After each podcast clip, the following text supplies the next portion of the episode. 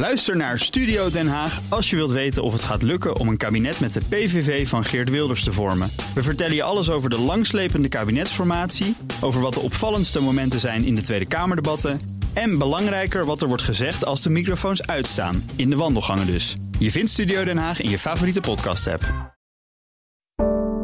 Een goedemorgen van het FD.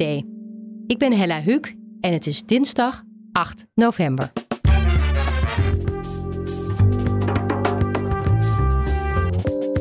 De Nederlandse bank vindt de bitcoin nutteloos. Het is eigenlijk gewoon puur een speculatiemiddel, een soort uh, casino eigenlijk. En eurocommissaris Breton wil landen die investeren in defensie en klimaat minder streng aanspreken op hun schulden. En daar is Nederland het niet mee eens. Dat wordt creatief boekhouden, dat wordt allerlei projecten die eigenlijk helemaal niet groen zijn, die een groen stempel geven om maar niets te hoeven meetellen bij de schuld. Dit is de dagkoers van het FD. De Nederlandse bank is geen fan van cryptomunten, maar wel van de techniek die door de munten wordt gebruikt. In een nieuw onderzoek spreekt DNB zich uit over de cryptomarkt.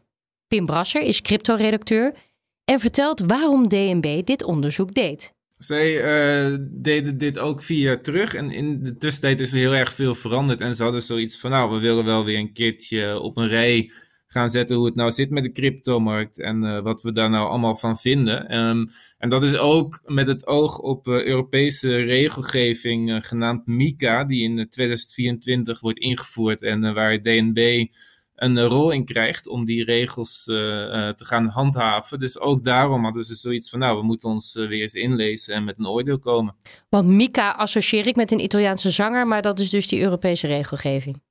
Ja, dat, uh, dat klopt. Ja, dat is een, uh, een afkorting voor Markets in Crypto Assets Regulations. Staat er dan soms ook nog achter, dus dan is het MICAR. Maar ja, inderdaad. Er is nu heel weinig uh, toezicht, heel weinig regels. En dan komt de Europese Unie met een eerste, een eerste regelpakket voor de cryptowereld. En daar wordt rijkhalsend naar, naar uitgekeken. Wat heeft DNB nou tegen cryptomunten zoals Bitcoin en Ethereum? Zij zeggen eigenlijk van ja, we zien dit niet als een betaalmiddel. En, dat is, uh, en we zien het ook niet als een oppotmiddel, zoals een soort digitaal goud. We zien het niet als een uh, middel wat, onder, wat als onderpand kan dienen voor, voor leningen. Uh, omdat het gewoon veel te veel heen en weer schiet in waarde. En dat is toch wel heel belangrijk van geld, dat je er een beetje van op aan kan. Dus zij zeggen van ja, wij zien eigenlijk niet in wat, wat, wat bitcoin nou kan betekenen in het, in het financiële systeem. En de, conclusie die ze dan trekken is van ja, het is eigenlijk gewoon puur een speculatiemiddel, een soort uh, casino eigenlijk. De centrale bank vindt stablecoins wel geschikt. En waarom die dan wel? Omdat die een vaste waarde houden van 1 dollar of 1 euro. Nou zijn daar wel ook problemen mee, want ze houden die waarde door te zeggen van, uh, nou deze stablecoin die is 1 dollar. En wij houden dan ook 1 dollar houden we in kas of we houden dat in staatsobligaties. Om zo dus genoeg onderpand te hebben zodat die, die waarde gelijk blijft. Nou, het, het probleem daarvan is dat ze daar nog wel eens over hebben gelogen. En soms ook dat ze daar gewoon open over waren. Dat het, uh, de, de stablecoin niet volledig was gedekt door, die, uh, door de dollar dus. Want één keer dat het hartstikke fout gaat, dat was met dat Terra USD, toch? Ja, er waren ook nog een paar kleinere stablecoins waar het ook fout mee ging. Maar inderdaad, de grote, grote crash was, was Terra USD. Eh, naar schatting uh, bij elkaar ging zo'n zo'n 50 uh, miljard in rook op. En de, de hele cryptomarkt die, die kreeg daar ook een klap van. er zijn heel veel mensen die, die hadden al hun spaargeld erin gestopt. Nou is dat natuurlijk misschien niet heel handig, maar het is wel gewoon een persoonlijk drama als al je spaargeld weg is. Dus dat, um, dat heeft zeker de, de aandacht van toezichthouders gekregen. En die hebben nu ook zoiets van, ja, we moeten hier snel strenge regels uh, voor gaan invoeren. Dus gewoon ervoor zorgen dat het verplicht is dat je gewoon altijd een dollar uh, aanhoudt voor, voor een stablecoin en allerlei kapitaaleisen en, en, en dat soort dingen. Want uh, dat mag niet nog een keer gebeuren. Dan zei je aan het begin, er komt Europese regelgeving aan. Gaat die ervoor zorgen dat dit soort wildwestpraktijken niet meer voor kunnen komen? Deels wel. Uh, bijvoorbeeld bij die stablecoins, daar zijn ze heel streng op. Um, er zijn wel een aantal problemen, namelijk uh, toezichthouders die zullen niet heel erg veel gegevens nog krijgen van cryptomunten en van cryptobeurzen. Dus zij zeggen zelf van ja, we kunnen eigenlijk straks nog maar beperkt toezicht gaan houden. Het is allemaal niet zo streng als op de aandelenmarkten. En ze, ze vrezen dus ook dat straks als het toezicht wordt ingevoerd, dat beleggers dan denken, oh, het staat onder toezicht, dus dit is veilig. Terwijl het in feite dus nog een stuk onveiliger is dan, uh, dan bijvoorbeeld de aandelenmarkt. Dus het is een eerste pakket en het is zeker een, een stap uh, voorwaarts, maar het, het, is nog lang niet genoeg om alle wildwestpraktijken in de cryptowereld uh, tegen te gaan. De Europese Commissie komt morgen met een voorstel voor nieuwe begrotingsregels. Eurocommissaris Thierry Breton wil sommige landen minder hard aanpakken op hun hoge schulden. Correspondent in Brussel Ria Katz vertelt wat zijn plannen precies zijn. Ja, Thierry Breton, oud-minister van Financiën in Frankrijk, begint met zijn verhaal met: Ja, maar ik ben een minister in Frankrijk geweest en ik ben uh, de laatste minister die nog de schuld van Frankrijk flink naar beneden heeft uh, gekregen. Dus hij begint met een soort van: Nou, aan mij ligt het niet. En vervolgens is natuurlijk dan het verhaal: Maar, want inmiddels heeft Frankrijk wel degelijk een hoge schuld, een veel te hoge schuld volgens de Europese regels van ja, uh, die, die schuld moet naar beneden. Ook van andere landen moet de schuld naar beneden. Maar we moeten tegelijkertijd kijken naar wat landen hebben gedaan de afgelopen jaren. Eigenlijk sinds de invoering van de euro, de afgelopen twintig jaar. Waardoor die schuld zo hoog is geworden. En zijn verhaal is dan. We hebben uh, een krachtige defensie nodig. Dat uh, hadden we altijd al afgesproken. Maar dat is des te belangrijker vanwege de oorlog in Oekraïne en de Russische agressie. En we hebben natuurlijk uh, klimaatmaatregelen nodig. Iedereen snapt ook waarom dat is. En zegt hij, Frankrijk bijvoorbeeld heeft daarin heel veel geïnvesteerd. Dus uh, daar moeten we ook naar kijken. Dat is een van de redenen waarom Frankrijk uh, toch meer geld heeft uitgegeven dan bijvoorbeeld Duitsland. Dat inderdaad een heel zwak leger heeft, weinig in heeft geïnvesteerd de afgelopen jaren. Uh, en eigenlijk vooral heeft bezuinigd sinds de Koude Oorlog is afgelopen. En Duitsland is natuurlijk ook een enorme vervuiler. En uh, Breton geeft ondertussen ook nog even een kleine sneer aan Nederland, want daar geldt hetzelfde voor. Ook wij stoten relatief veel CO2 uit, hebben relatief uh, wat minder geïnvesteerd in milieubesparende maatregelen. En Nederlands leger, ja, dat weten we ook allemaal, is ook niet het meest indrukwekkende van de Europese Unie. Kan je zeggen dat landen die weinig schuld hebben niet hebben geïnvesteerd in defensie en klimaat. En bijvoorbeeld dat er dus landen zijn met hoge schulden, dat die wel heel braaf hebben voldaan aan de NAVO-norm van 2% van je BBP investeren in defensie. Dat is een hele goede vraag. En dat is inderdaad ook het zwakke aan zijn verhaal. Want het gaat echt niet één op één op. Inderdaad, voor Nederland en Duitsland gaat het dus wel op.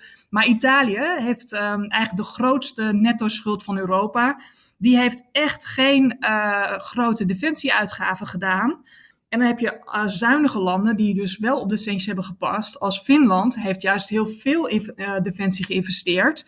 Ook omdat ze natuurlijk aan Rusland grenzen en ze van oudsher altijd al hebben gedacht: wij moeten een sterker leger hebben. Dat geldt in mindere mate ook voor Zweden, die um, ook een behoorlijk leger heeft hoor. En daar ook uh, uit zichzelf de afgelopen jaren alweer extra in gaan investeren. Finland en Zweden zijn natuurlijk ook landen met ja, die echt wat hebben gedaan aan klimaat. Uh, Finland heeft ook ingezet op ja, kernenergie met name. Italië daarentegen is heel afhankelijk van Russisch gas. Dat had ook wel wat meer in klimaat kunnen doen. Dus het gaat helemaal niet één op één op. Dat is echt veel te simpel gezegd. Maar hoe gaat dit plan dan vallen bij de landen die zich de afgelopen jaren netjes aan de regels hebben gehouden? Ja, dat is een goede vraag. Want die landen zien wel degelijk in dat zij uh, in bepaalde opzichten in gebreken zijn gebleven. Hè. Nederland en Duitsland hebben al aangekondigd sinds de invasie: oké, wij gaan nu keihard investeren in defensie. Datzelfde geldt voor uh, duurzame energie, want beide afhankelijk van Russisch gas. Maar ja, tegelijkertijd zeggen ze ook: de reden dat wij nu kunnen investeren in uh, ook aan hulp aan onze bevolking, maar ook in dit soort projecten, is omdat wij zo goed op de centjes hebben gepast. Daarom kunnen wij goedkoper lenen. We hebben een, een keurig uh, track record hè, op de financiële markten. En Frankrijk zegt al langer we moeten kijken naar uh, wat landen doen. We hebben al eerder andere plannetjes aangekondigd om, om zeg maar milder om te gaan met groene investeringen. Daarvan zegt Nederland al een tijd, ja laten we dat niet doen. Want je weet nu alweer hoe het gaat, zegt Nederland dan. Dat wordt creatief boekhouden, dat wordt allerlei projecten die eigenlijk helemaal niet groen zijn die een groen stempel geven om maar niet te hoeven meetellen bij de schuld, om maar milder om te gaan met begrotingstekorten. En uh, ja, daar is het vertrouwen gewoon in Nederland, Duitsland en andere zuinige landen is, daar, is het vertrouwen daar gewoon niet groot genoeg voor. Breton pleit ook nog voor gezamenlijke Europese leningen. Waarom wil hij dat? Dat wil hij omdat uh, eigenlijk waar we het net over hadden, landen in Zuid-Europa kunnen wel lenen nog steeds, maar tegen best hoge kosten, juist vanwege hun hoge schulden. Hè, willen, willen de financiële markten willen best wel hoge rentes, et cetera, zien. En uh, daardoor kunnen zij dus gewoon minder makkelijk geld lenen om nu tijdens deze energiecrisis hun burgers en bedrijven te helpen. En Breton zegt, en daar heeft hij overigens wel een punt, de energiecrisis in Europa is heel zwaar, veel zwaarder dan in andere delen van de wereld, juist vanwege die grote Russische afhankelijkheid die wij hier hebben. Dus onze bedrijven hebben hier een concurrentienadeel. Bedrijven in China of in India of in uh, de Verenigde Staten kunnen gewoon veel goedkoper produceren op dit moment. Europese bedrijven hebben daardoor een concurrentienadeel. En door dat nadeel kan het zijn dat ze op een gegeven moment denken: ja, dan verhuizen we wel naar de Verenigde Staten. Of uh, ja, we gaan gewoon failliet, want we kunnen hier niet tegenop produceren. En hij zegt: we moeten dus onze bedrijven steunen en ook onze huishoudens. En om dat te kunnen doen, ja, hebben landen die niet makkelijk kunnen lenen gewoon extra geld nodig. En laten wij dat dan als Europese Commissie maar doen. Want de Europese Commissie kan goedkoper lenen dan bijvoorbeeld Italië of Griekenland. En die kan dat dus doorlenen aan Italië en Griekenland tegen hun gunstige voorwaarden, waardoor er toch een beter speelveld blijft, zegt hij.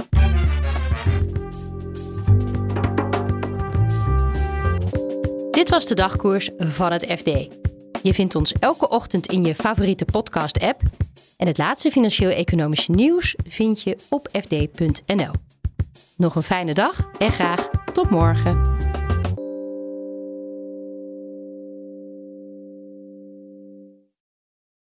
Ook Harm Edens vind je in de BNR-app. Je kunt BNR Duurzaam niet alleen live luisteren in de app, maar ook terugluisteren als podcast, zoals al onze podcasts. En naast dat de BNR-app Breaking News meldt, houden we je ook op de hoogte van het laatste zakelijke nieuws. Download nu de gratis BNR-app en blijf scherp.